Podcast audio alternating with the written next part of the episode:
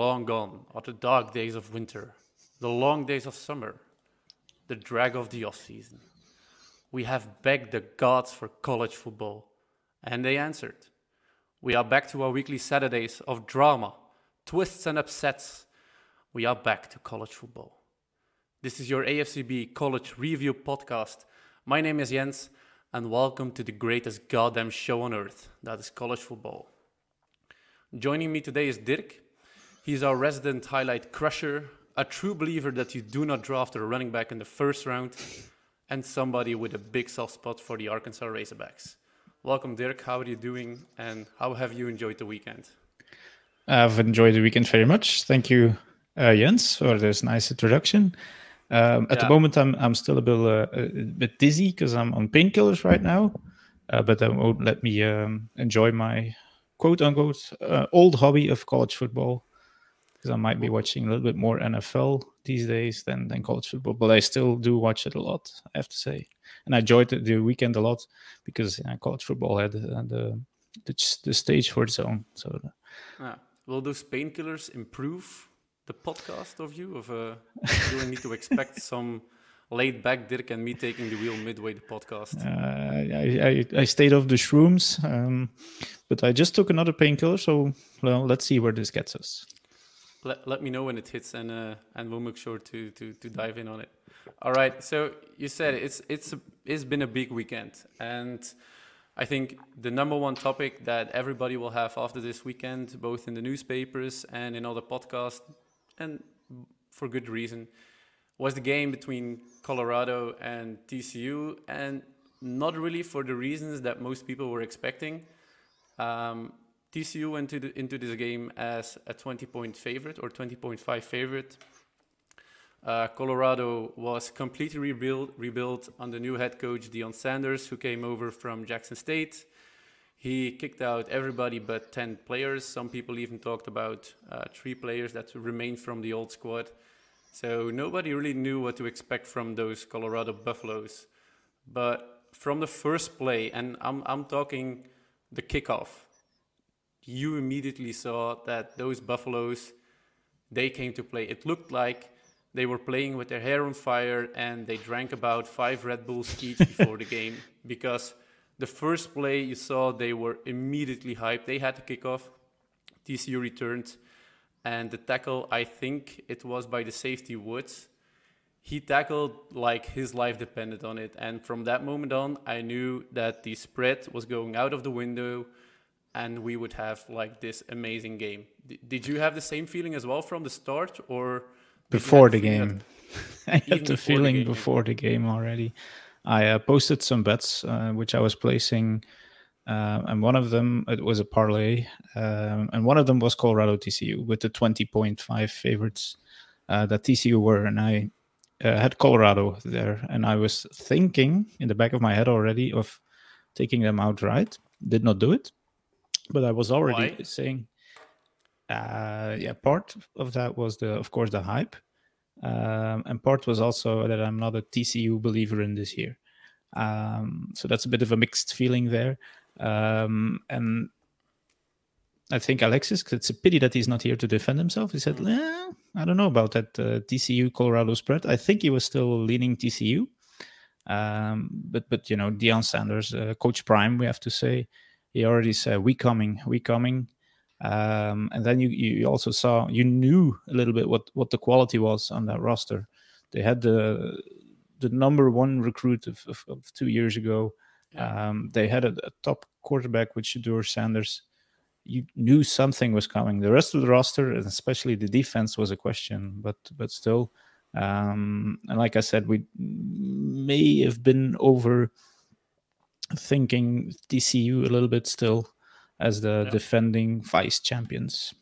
I think most of them, like most of the doubters, looked for a reason to keep on doubting them after last season because because they had like this incredible run all the way to the championship game, where they will were obliterated by Georgia, and uh, yeah. rightfully so. They didn't even have like one footing in the game, and you still had like this feeling that a lot of people were thinking, okay, now we're gonna prove or TCU had a feeling now we're going to prove him wrong. We're going to rebuild this roster. Although we ha- we've had to replace Max Duggan, starting quarterback last year, went to the NFL.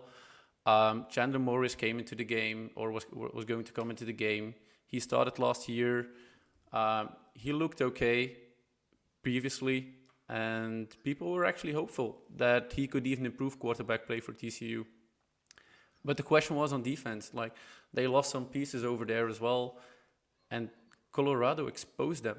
And I think the, the, the main takeaway for for this game, and we'll we'll go into deep details later, is that if you if you're going to play Colorado in the future, you better have the offense to match those points that they can put on the board, because. Yep the offense is so explosive and i think that's where a lot of people like kind of knew it was possible but didn't really dare to say it uh, or at least not out loud but if you look at if you look at the pieces they have you have Shedeur Sanders uh, son of prime you have like this this two-way star in travis hunter uh, you have dylan edwards who played like for most of his life for coach sanders um, he's the running back but that guy had the most receiving yards in 135, and he mm-hmm. even had three touchdowns.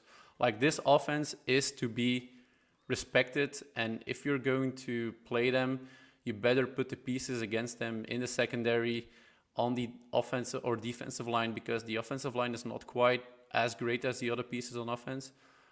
But watch out for this Colorado offense. The defense yeah. still to be seen uh, because they yeah. also they had okay. to, to I, I, might want to put a little bit fire on the hype, uh, even though I wrote a, a piece on, on, on Coach Prime. Um, the defense of Colorado was also exposed. They they still um, got 42 points in the bag. Uh, they suffer. Well, they got two red zone interceptions, um, which how the game was going should have been at least six or seven points. Um, maybe that's on Chandler Morris's um, side.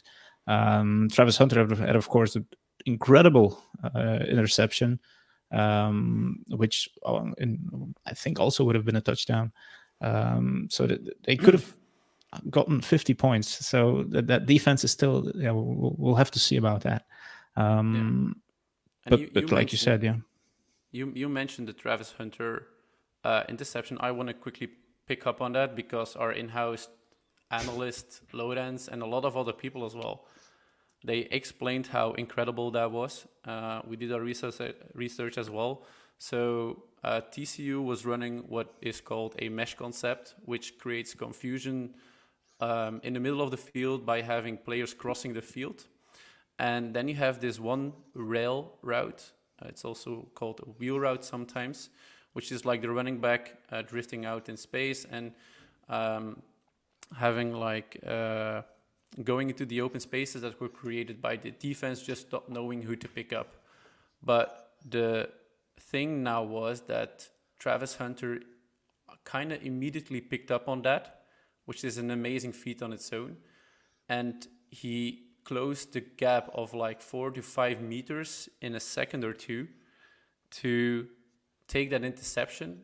And the way he took it is like, it was amazing. And I think that's one of the reasons why we can also, and it's it's maybe a bold prediction early into the season, but I think that guy is going to be a runner-up in the Heisman voting. I'm not a saying he's going to win. Yeah. he's going to be a runner-up because yeah. if he could, if he continues to play like this, but he, he had like 130 snaps last weekend, which is not feasible for the rest of the season. But if he can kind of have like a fraction of that with the highlight plays on offense and defense, I think we can expect big things from him in in in this year. Yeah. Or am I too bold in this? That's early. That's uh, maybe something that we, we say a lot of times. Uh, like I said, it's TCU. The TCU defense was not great last year. It's not great this year. They were lucky, like four, four to five times last year, how they stumbled into the national championship game. Um, as a runner-up, they got the preseason ranking of 17 um, which probably was already too high. Hmm. Um, so now we'll have to wait and see in the next few weeks what TCU will do. So that'll you know, give give us some explanation on the value of this victory, and of course what uh, what Colorado will do. Um, but maybe Shedeur Sanders, the quarterback, um, need some higher praise than Travis Hunter. Um, Travis Hunter played 129 snaps, both on offense and defense, which is unprecedented. Um, so that and, and he topped it off with that interception, which which uh, yeah put him into the the, spotlights. Um, yeah, for real. But but then I saw the, the, the stats, and I think we were chatting in, in Discord at a time of uh, of uh, Shedeur Sanders, and he ended the game with 38 for 47, and I've not often seen that before on a um, high level college football game, uh, competitive game. Um, he almost did not miss any throws um, yeah, so, so I, I, don't know. And if, if I had a Heisman ballot in front of me today, I might put Shedeur Sanders on top of Travis Hunter, maybe two and, and three. it, it, it doesn't. Okay, that's that that's a bold statement. We'll get we'll get to that in a few minutes. But it, it doesn't really matter which defense you're playing. Putting up 510 yards and four touchdowns is impressive anyway. Mm-hmm. So yeah. you might play that's very Heisman esque, and you know that Heisman's yeah. or the Heisman is a quarterback trophy, or well, it has been for mm-hmm. a long time, with a few exceptions, of course. But uh, okay, and we'll have to wait and see what what, what Travis Hunter does. Um, they're not playing a marquee I, schedule, and that's, that might I be a problem. But I think for Hunter to to be considered for the Heisman, I think he needs to keep on playing offense um, because those were oh, that's the position where he'll get the most highlight mm-hmm. plays, and we know that Heisman is about highlights and and momentum. And uh, offense, he'll have yeah. he'll he'll have his picks, of course, but picks alone won't give you the Heisman, even though those those can all be pickoffs on a, in a mesh concept. Like you have to you need to have the highlight plays on offense as well, and I think that's one of the reasons why he will be only a runner up. All right. Yeah, but we we can talk a plenty about Colorado and, and, and TCU, but I think we were kind of limited today. But you also started talking about other Heisman contenders. We you have Shedeur Sanders in there as well. Uh, but I think another guy who who who belongs in this Heisman voting is the quarterback of uh, Florida uh, Florida State, uh, Jordan Travis. Uh, he played LSU uh, last night actually and it was the first like real matchup that we were looking forward to besides the hyped game of Colorado and TCU uh, because we had two top 10 teams playing each, playing each other. LSU was number 5 ranked uh, Florida State was number 8 and it's also a, it's it's the second game that re- that didn't really go as expected um, because I assumed that the game would be a lot better from the LSU side because you see 24 on the board, but the 24 or the, the, the late seven points, the last touchdown, only came in garbage time.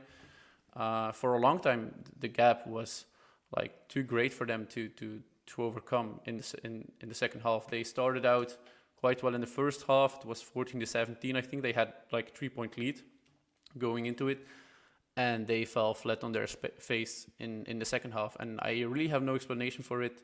Uh, Kelly, head coach of LSU, doesn't as well. I think he probably kill some of his players off, as he said that he would do at Notre Dame as well in an interview. Um, but either Florida State is one of the greatest teams we've seen, or LSU is just a little bit overhyped, and I think I'm leaning more to, towards the second one. Um, might be a little bit of both, as usual. Um, by the way, Coach Kelly said that he took the, the loss on himself. I don't know if he'll say that in the locker room, probably not. Um, but it was a great game. Um, I think we need more of these games, and not on a Sunday night like this one. Um, but the thing is, uh, Florida State, they've been poor for oh, about 15 years uh, now, since the days of Jimbo Fisher.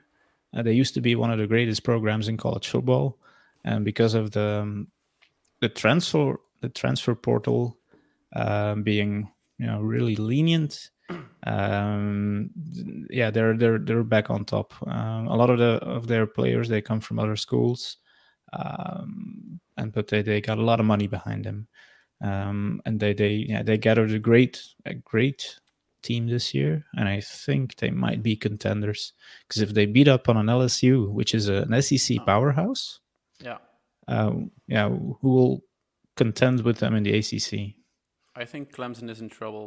Um, yeah, we will see that well, tonight. Well, yeah, we'll have to watch them against Duke because they still have to play uh, coming night uh, against Duke. I think it's at home. Um, but this this Florida State team, nonetheless, no no matter what um, Clemson does, is is quite impressive. They started Jordan Travis on quarterback, who was 23 for 31 with 340 yards, four touchdowns, one interception. Um, but the, the guys I was more looking forward to and, and who completely lived up to expectations, two guys I want to highlight here is Keon Coleman. Mm-hmm. Uh, he's the transfer from Michigan State. Yeah. He had uh, nine receptions for 122 yards and three impressive touchdowns. So that's that's quite all right for somebody who came into a new group with a new quarterback. But then the se- the second guy, and he didn't get any touchdowns. But Johnny Wilson, uh, his was like the first receiver on our board for them. Um, he's a junior, but if you look at his uh, height and weight, it's it's something to to to admire. He's six seven, and he uh, weighs about two hundred and thirty seven pounds right now. Yeah, that's kind of slim. Receiver, for a wide receiver, it, it, for six seven, like, yeah yeah, six seven is, is quite impressive. Knowing that you had a lot of six, six and one, maybe five, nine guys going into the last draft. If you're now looking at a five, uh, six, seven guy, I think it's 90th percentile in both categories. That's quite impressive, and that's the second receiver.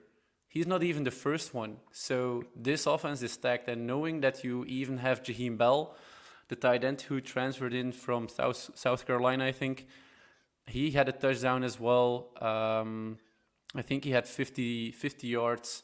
He came off a bit of an off season last year after having about 500 the year before. But Jaheim Bell is going to be very productive in this system uh, with Jordan Travis. So I'm really looking forward to, to this uh, Florida State offense. And even on defense, they have some pieces that will go in the top 10. And the one guy everybody will keep on talking about. He didn't have a sack, but he, he he's disruptive as he is. Is Jared Verse, the defensive end uh, for Florida State? Yeah, I was quite impressed by uh, Keon Coleman as well. Uh, looking at his performance, that's uh, first round NFL uh, draft pick all uh, all day long. Um, yeah. If you're just like if you woke up yesterday and you watched college football, um, this weekend. Uh, he's the first uh, wide receiver off the board. Uh, of course, if you look at it in the long run, that's Marvin Marvin Harrison Jr. Um, but he was the wide receiver which most impressed me this weekend, uh, along with the other guys from FSU. So, yeah, and um, I think I think we're quite limited on time, but I, I do want to say though that if this Florida State team can keep the momentum they have after last night, I see them going into the playoffs and not as a team that's going out in the first round. No, okay. National title contenders, Florida State.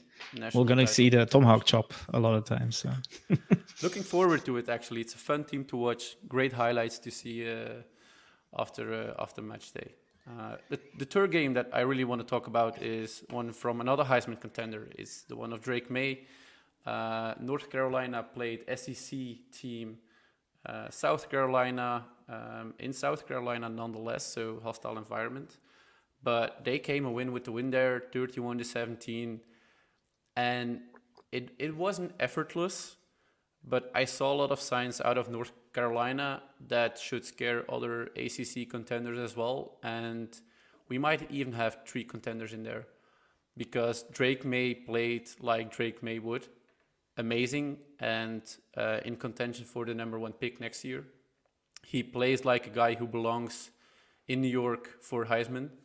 And although he, he, he had two picks, and one of which was actually quite terrible in the fourth quarter, uh, which put it, his team on the defense, uh, he, he played like, uh, like I said, like a possible number one pick. He had one highlight play which I keep on rewatching for some reason. Um, pressure was building up in his face. There was a defender hurtling towards him, and he he threw it out there, and not like it's a hail mary style, but he threw it in the vicinity of one of his receivers. And let's be real here, the uh, receivers or the receiving room of North Carolina is not the one of FSU. They're a little bit less, um, and he still managed to come down with the ball because uh, Drake Maye put it in a place where only the receiver could could have got it, and and that's why I'm I'm really high on on Drake Maye. Uh, some people will put him in first place, and I wouldn't really argue with them because I see why you would put it put him there. And maybe and last thing I will say about North Carolina before I, I let get you uh, or let you uh, prove me wrong. Um, the one thing that we were actually looking forward to most for, from North Carolina was their defense because uh, they were terrible last year, and that's maybe a bit of an understatement. They got like 60 points that they have had to endure against Appalachian State last year in the game that they uh, that went to overtime, I think. Um, this year, the defense looks great, and they've had nine sacks. Although granted, against in a line in South Carolina that wasn't too great, had to endure the loss of a starter in the second quarter. But having nine sacks again, it, it you don't do that every day, and I think it's not uh, on accident that they've had nine sacks. So now North Carolina is a team that won't have to rely on Drake Maye pulling them out of bizarre situations. The defense can do it too. So I'm actually looking forward to North Carolina this season as well. Yeah, might well might not agree completely about Drake Maye. I thought his performance was it was a good game manager. I'll have to say that. Um, that one pick was indeed terrible, unavoidable. Um, I think NFL scouts will look at that um, a little bit. Um, but like you said, the defense carried the day because Spencer Rattler, the quarterback from South Carolina, had a great day himself. Um, he actually had, um, I think, look at his stats. Um, he was 30 for 39, 353 yards, but then, yeah, no touchdowns, and he got sacked nine times. Very um, Rattler like. Yeah, but that also gets to say something about uh, the, the, South Carolina uh, O line. Mm. I think uh, Coach Mack Brown, the, the North Carolina coach, put together a great team. Because um, let's not forget that North Carolina normally is a basketball school. They um, they have to play football to stay in the ACC. Um, but but nowadays they, they are a football team, and and, and Mack Brown, who was um, national championship coach with Texas before, uh, I think he put together well, well, not a dynasty, of course, but then um, they, they they they give away players to the NFL and they reload. So I think Mack Brown is doing some good recruiting on that defense, and and Drake Maye, he doesn't have to prove himself a lot anymore. Um, but I want to see some more consistency, and and of course, two touchdowns, two interceptions is too much. Mm-hmm. Uh, they play in the ACC, so their schedule is not too rich. Um, but yeah, we'll have to see. Yeah. One one Heisman I want to uh, quickly talk about, and he's going to be compared to Drake Maye the whole year, is Caleb Williams, quarterback of USC. He again put uh, together a stellar performance against, okay, granted uh, Nevada, but he again had a highlight play, and I think this will carry into the Heisman uh, voting at the moment, if you would uh, call it that. Um, he had like this scramble I don't know on which down, but uh, he bought himself enough time. I think it was five, six seconds, uh, which he bought himself to to be able to find a receiver in the end zone. Okay, he, he got a little bit lucky that he, he was scrambling for somebody to reach the end zone in time, and it resulted in a touchdown, which will always result in, in a highlight play, of course. But he showed again why he, to me, is the number one in current voting and he will be so in in the NFL as well in the NFL draft because he had a highlight play last week as well against uh, San Jose State, and I, I think the naysayers will say, granted that they played two teams who, who are not going to be named after those games they played USC maybe. Uh, but the, the highlight play he had against San Jose State was a, a throw of about 50 plus yards where he, he got the ball to Branch, who ran it in for a touchdown, but the, th- the throw itself was completely off plat- platform. He didn't have his feet set. Um, he was completely off balance, and that's to me why he's currently number one because he had those highlight plays. Granted, they were for a touchdown against lesser teams, but he showed technique on those highlight plays, which to me is the most important thing to remember here. Um, but I, I don't know how. Where do you stand on on Caleb Williams. Is he your favorite as well? Caleb Williams, um, and I don't, think I'm, I'm thinking of another play uh, where he scrambles towards the sideline. Um, and he throws yeah, off platform as well. But if you look at it from a different camera, camera angle, he's sprinting towards the sideline and he throws a dart uh, right particular with the sideline, so and straight into the receiver's arms. And when I saw that play, I thought, okay, Caleb Williams, twist your ankle now, stop playing for the rest of the year. You've proven yeah. yourself enough. Um, I don't think he needs another Heisman. I mean, he already has one.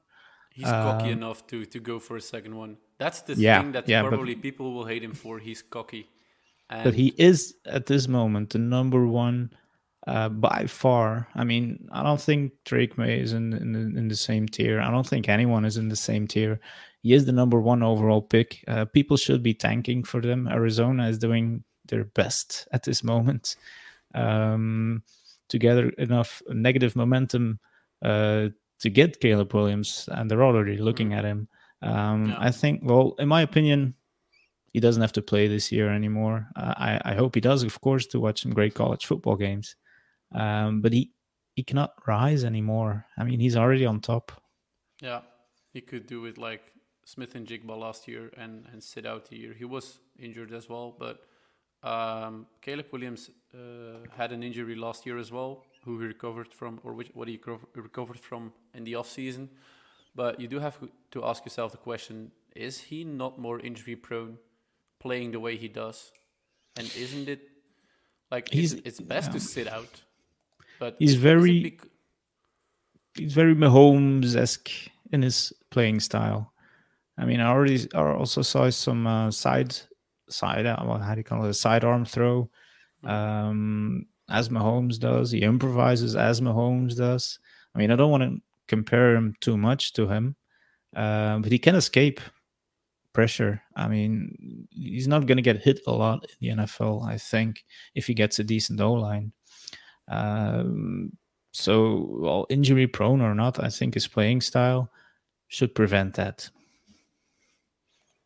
Yeah, well, let's see. But you you've talked about tanking in the draft, but I think this this year a lot of teams won't need to tank to get like nice QBs because I'm I'm gonna I'm gonna sum some here. You have Caleb Williams and Drake Maye, one and yeah. two. I'm I'm gonna reply whether or not I think they are high draft picks or not. Yeah. Okay. Let's let me just say this first. I'm gonna name them, but I don't think they necessarily will be in the first round. What yeah. I do think is that they are worth taking on a date with a day two pick or an early day three pick. And I would still be glad if my team would take one of these. So you have Caleb Williams and Drake Maye. They will go top one and two, whichever order. You have Shedeur Sanders. well, the, there will be the top two two quarterbacks. Yeah. Um, if yeah. Arizona gets the second pick as well, they might go for Marvin Harrison Jr. yeah, true. So you have Shedeur Sanders. Yeah, he's also eligible for this year's draft, um, he but he's only played for two years. Um, I was a bit surprised by that. I thought he was only for next year. Um, and if he keeps playing the way he does, I mean, he has the size, he has the arm. Um, yep, well, he's not going to get into the top mix, I think, but he might be a top five pick the way he's playing in this one game. Yeah, but I'm still uh, following you there. All right, perfect. three for three. Uh, then we have Joe Milton, and I'm going to say his stat first. His stats first. Uh, he had uh, 201 passing yards and two touchdowns with Tennessee against Virginia last uh, last weekend, and he had two rushing touchdowns as well. Yeah. The thing with Joe and Milton is he's rocket yeah. of an arm. Yeah, but he's in his sixth year, so he's up there in age. He's about uh, he is 23. He will be 24 by the time the draft passes around, and, and people not tend to like that. So he's in his sixth season, and he's he's already he only has I think about 10 starts under his belt. So actually, his, he's in his prove it year right now. Um, and but if he if he can, I it's an early day two for me. Yeah, but yeah, early day two. Yeah, might be might be a day two pick, but um, that's a good a good backup. Um, like the, and, and, a lot of guys of will... yeah, like Kyle Trask, Kellen Mond, guys who went on on day two. Um, some of them break through, most of them will not.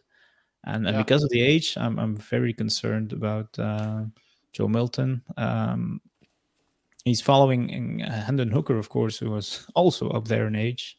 Um, and if he didn't get injured, I don't know if he would have been a starter in the NFL. Uh, and I don't know if, if Joe Milton is as good as Hendon Hooker. So, well. All right. Um, then, then I have a few QBs that I, I will pair together. I have Bo Nix, Quinn Ewers, Drew Allar, and Michael Penix Jr. I see those guys as maybe late day two picks uh, because you could say something about each one of them. Drew Allar needs to prove it still. Quinn Ewers, he was very highly recruited and he still need he has only shown flashes about what he can do. Yeah. Um, Bo Nix is a little bit on the older side as well, if we're talking about age. Um, it, it, seems like he's been in, in college forever. Um, yeah. But he started as a freshman back in the day in 2019 with Auburn. Yeah. Um, but yeah, I, but he's I shown it now same, with Oregon, and I'm, and it could mean for him that he's going maybe a little bit earlier than the other ones, same as maybe Quinn Ewers. Uh, but I'll still have to see it this year with Oregon. Yeah, Quinn Ewers is still in his junior year. Like he didn't redshirt anything. He transferred from Tech uh, from Ohio State. Um, but he's but, well, if, if if Quinn Ewers balls out thing, and Bo Nix balls out, Quinn Ewers will go a lot higher. Um, yeah, because I think is, Bo Nix is at his ceiling already. Yeah. Thing is, Quinn Ewers uh, doesn't have the luxury like Bo Nix to stay another year at uh, Texas because nope. you have Arch Manning waiting. Yeah, he has to, to go. Replace him. so Quinn Ewers is out by the end of the year at Texas. Whether it's to another program, which I'm not sure he will thrive as much as Texas, or it's to the NFL. But of course, it will depend heavily on this year. Then one other guy you will probably be able to talk a whole lot more about is KJ Jefferson. Yeah, I, I want to talk about Drew Allar also. Um, yeah, all right, he, he is still young.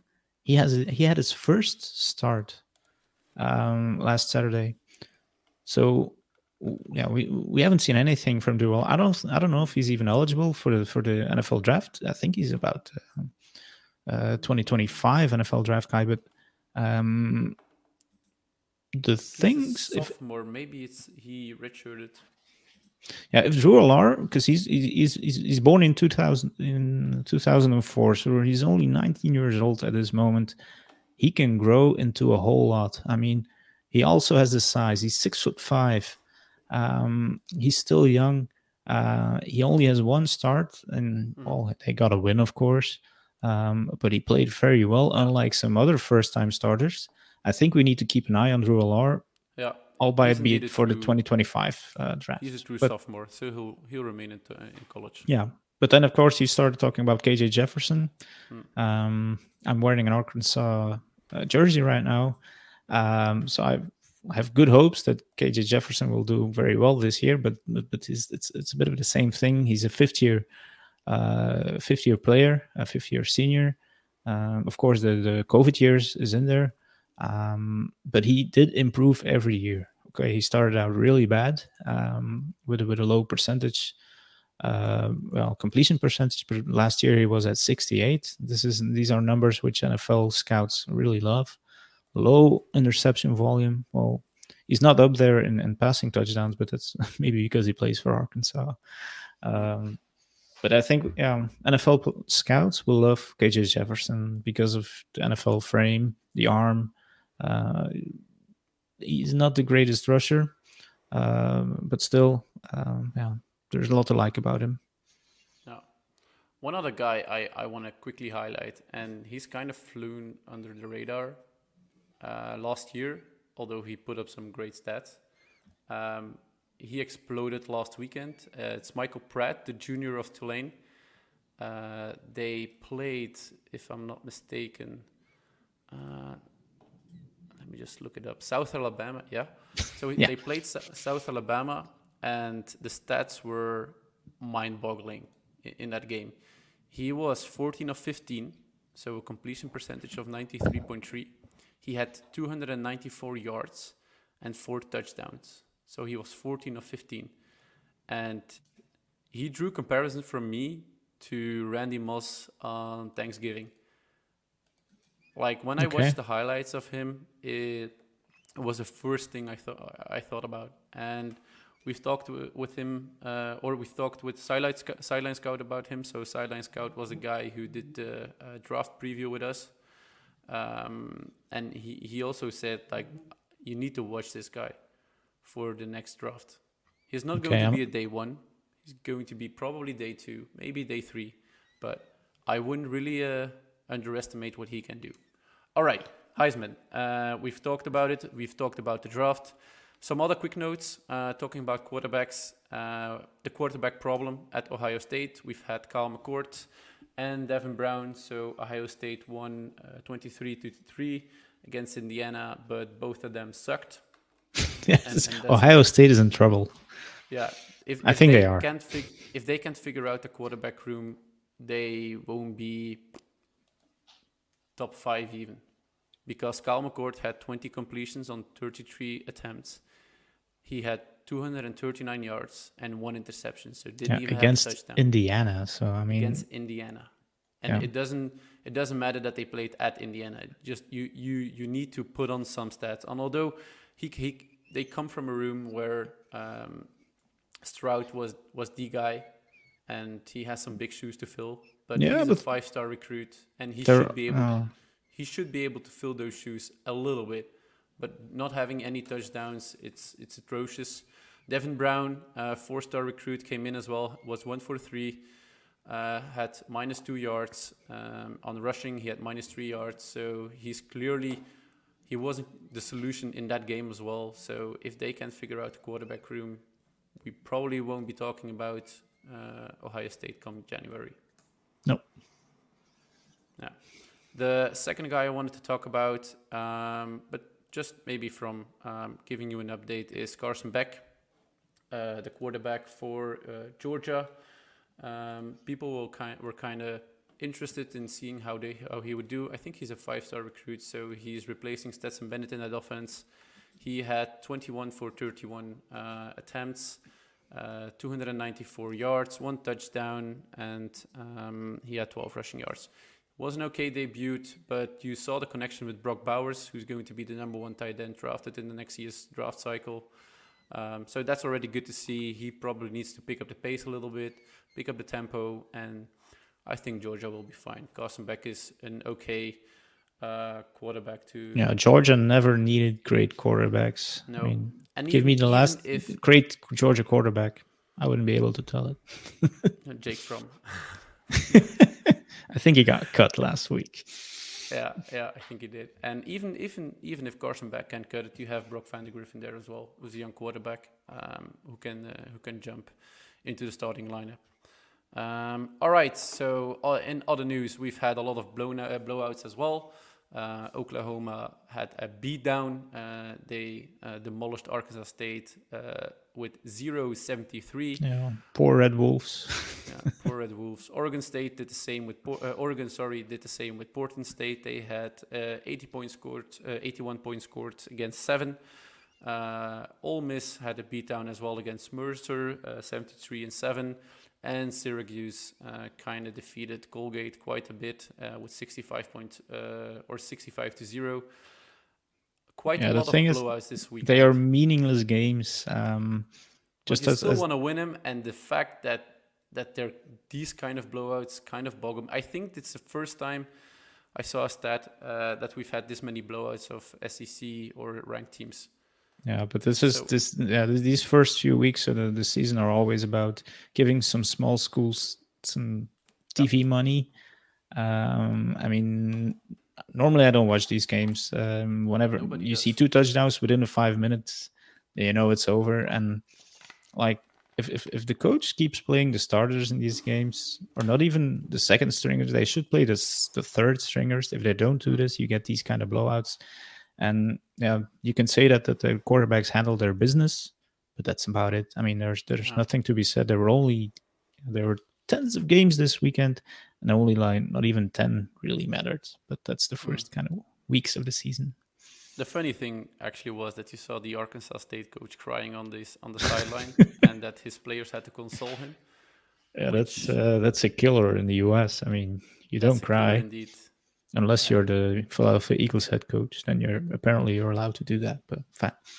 Uh, well, then then it's his, uh, then it just shows you're you're emotional. But yeah, he Yeah. probably was emotional as well. I, I can't recall his name, but I don't know, but it's a shutout. I mean, you, you- your team does not score any points, and you get blown out on national TV.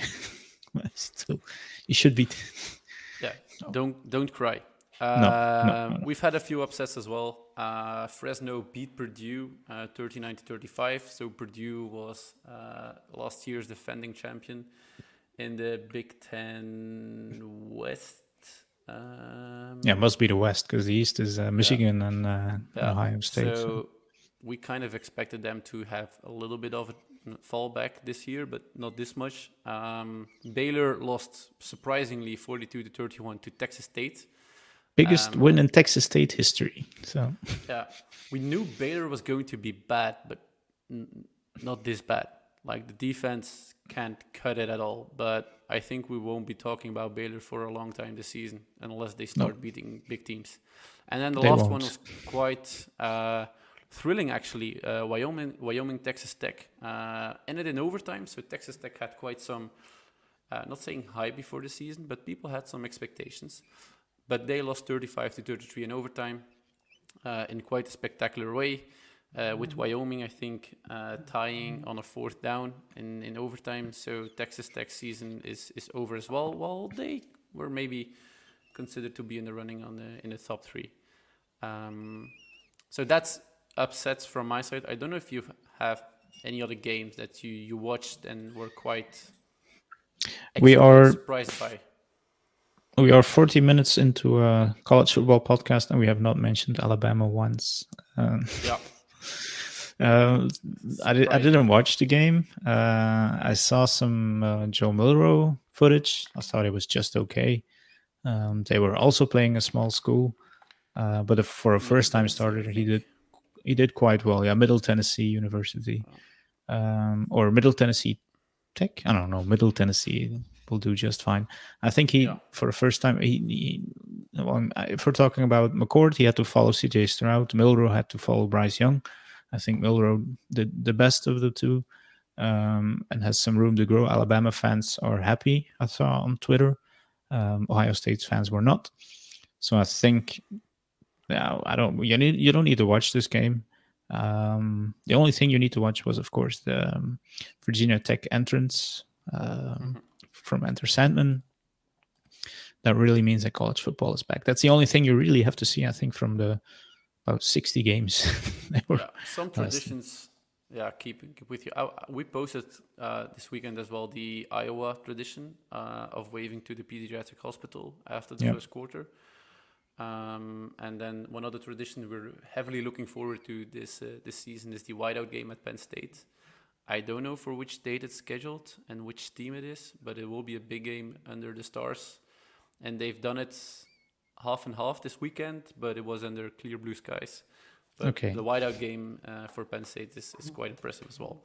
All right, uh, one last topic I really want to cover. Um, we're going to follow our only Belgian in the USA, Sylvain Yondjouen, uh, this year a lot as well. Uh, so he plays uh, plays for the uh, Georgia Tech uh, Yellow Jackets, and they played uh, Louisville. Uh, quite an entertaining game. Um, I saw the highlights and some of it live as well. Um, but in the end, uh, they weren't able to pull out a victory um, in the Mercedes-Benz Stadium. Louisville uh, won the game 39 to 34, although uh, Georgia Tech was up 28 to uh, 13 at the half. Um, quite an entertaining game from a quarterback point of view. You have Haynes King coming in there, uh, replacing Jeff Sims, who's going to Wisconsin, I think. Uh, he transferred out. Haynes King is coming in from Texas A&M, the star-studded team, the historically star-studded team from Texas A&M last year, uh, who wasn't able to live up to the expectations. And first half was really quite entertaining from the Yellow Jackets. Uh, showed that he belongs in college football. He had a lot of great throws. Um, connection with his receivers was on par. And then just for one or the other reason in the second half, uh, they just fell flat on their face, and Louisville was able to score 26 points, almost unanswered. Um, they managed to score still six points, Georgia Tech, in the last quarter, in the fourth one. But wasn't really a game that Georgia Tech really wanted, although there are some positive signs coming out of there. Um, Sylvain ended the game not really on the stat sheet, but PFF credited him uh, with one QB hurry. Um, but that's about the only thing that we can uh, find on the stat sheet from him. Um, he ended with a 57.2 uh, defensive rate uh, from PFF. Yeah, problem with Sylvain is that he's yeah, he's the only Belgian in a D1, um, FBS D1 uh, school, I think, at the moment, uh, or at least in, a yes. Uh, in a Power Five school. Uh, I don't know Matthijs Lassor where he's exactly at at the moment. It's probably um, FCS.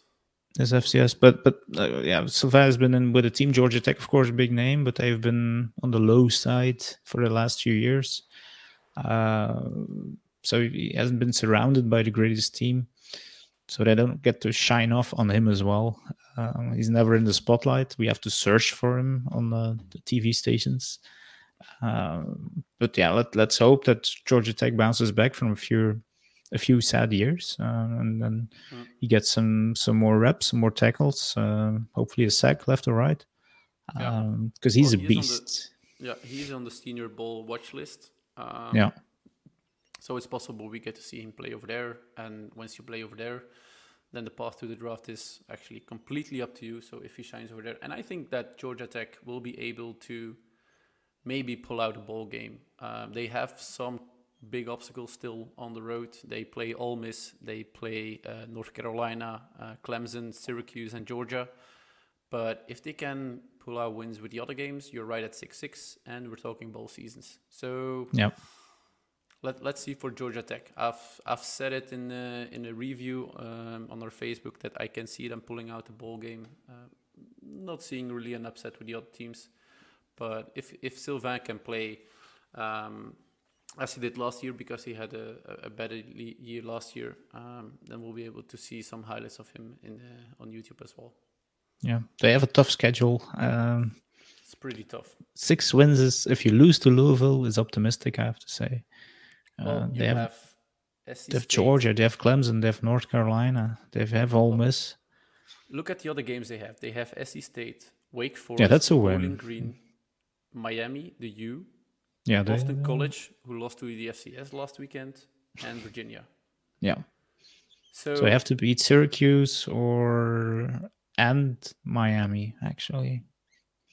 Which I see them feasible to do because I'm confident that Haynes King will find some rhythm in that offense over there. All right, and it's let's stay optimistic then. But, but, they should have won this one because they lost on a fumble.